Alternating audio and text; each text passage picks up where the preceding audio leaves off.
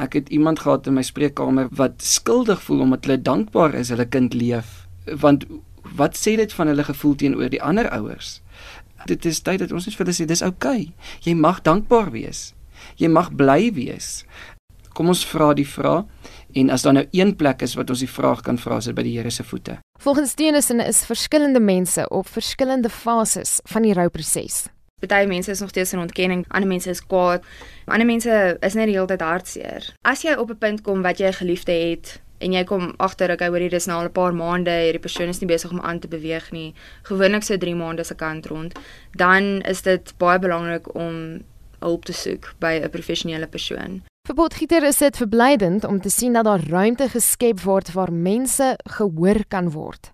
Sielkundiges, pastorale beraders en die predikante, mense kan nie praat as daar nie geluister word nie. En ek dink mense het 'n behoefte om nou te weet iemand luister. Maar is daar dan 'n regte manier om te luister? Ons wil baie keer sit en ons sê ek wil sekere goed by jou hoor want ek wil op 'n sekere manier antwoord en op 'n sekere manier reageer.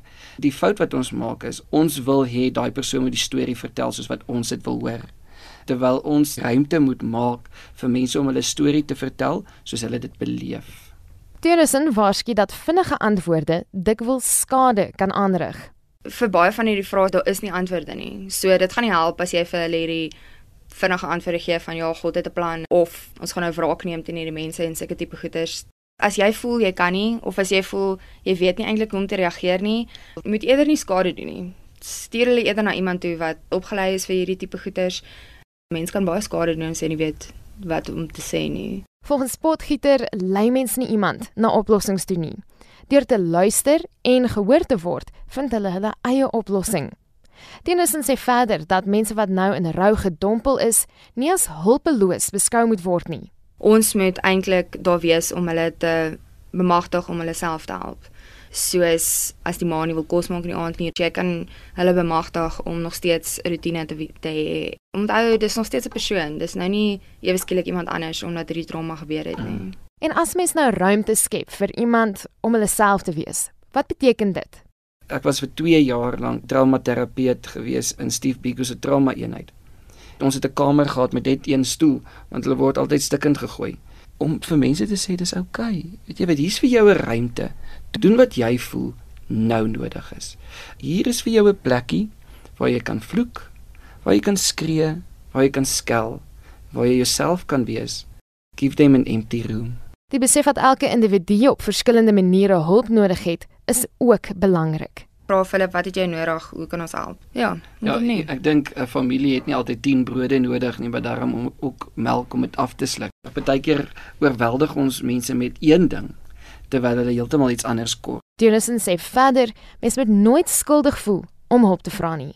Ek dink die belangrike ding om in ag te neem as jy so 'n tipe gedagte het, is dat dit 'n tydelike gevoel is waarin jy is. Jy gaan éventueel deur hierdie trauma werk en jy gaan éventueel aan die ander kant uitkom. En mense het mekaar nodig. Dink net aan die feit dat mense is daar om mekaar te help.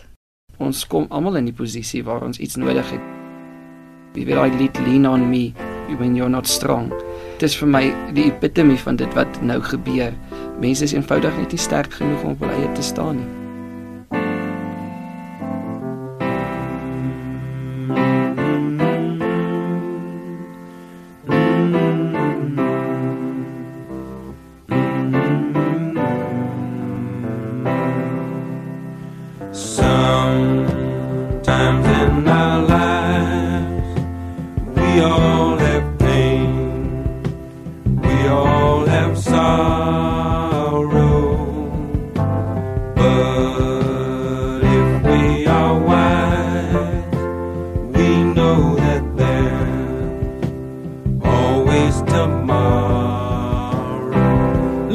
around me.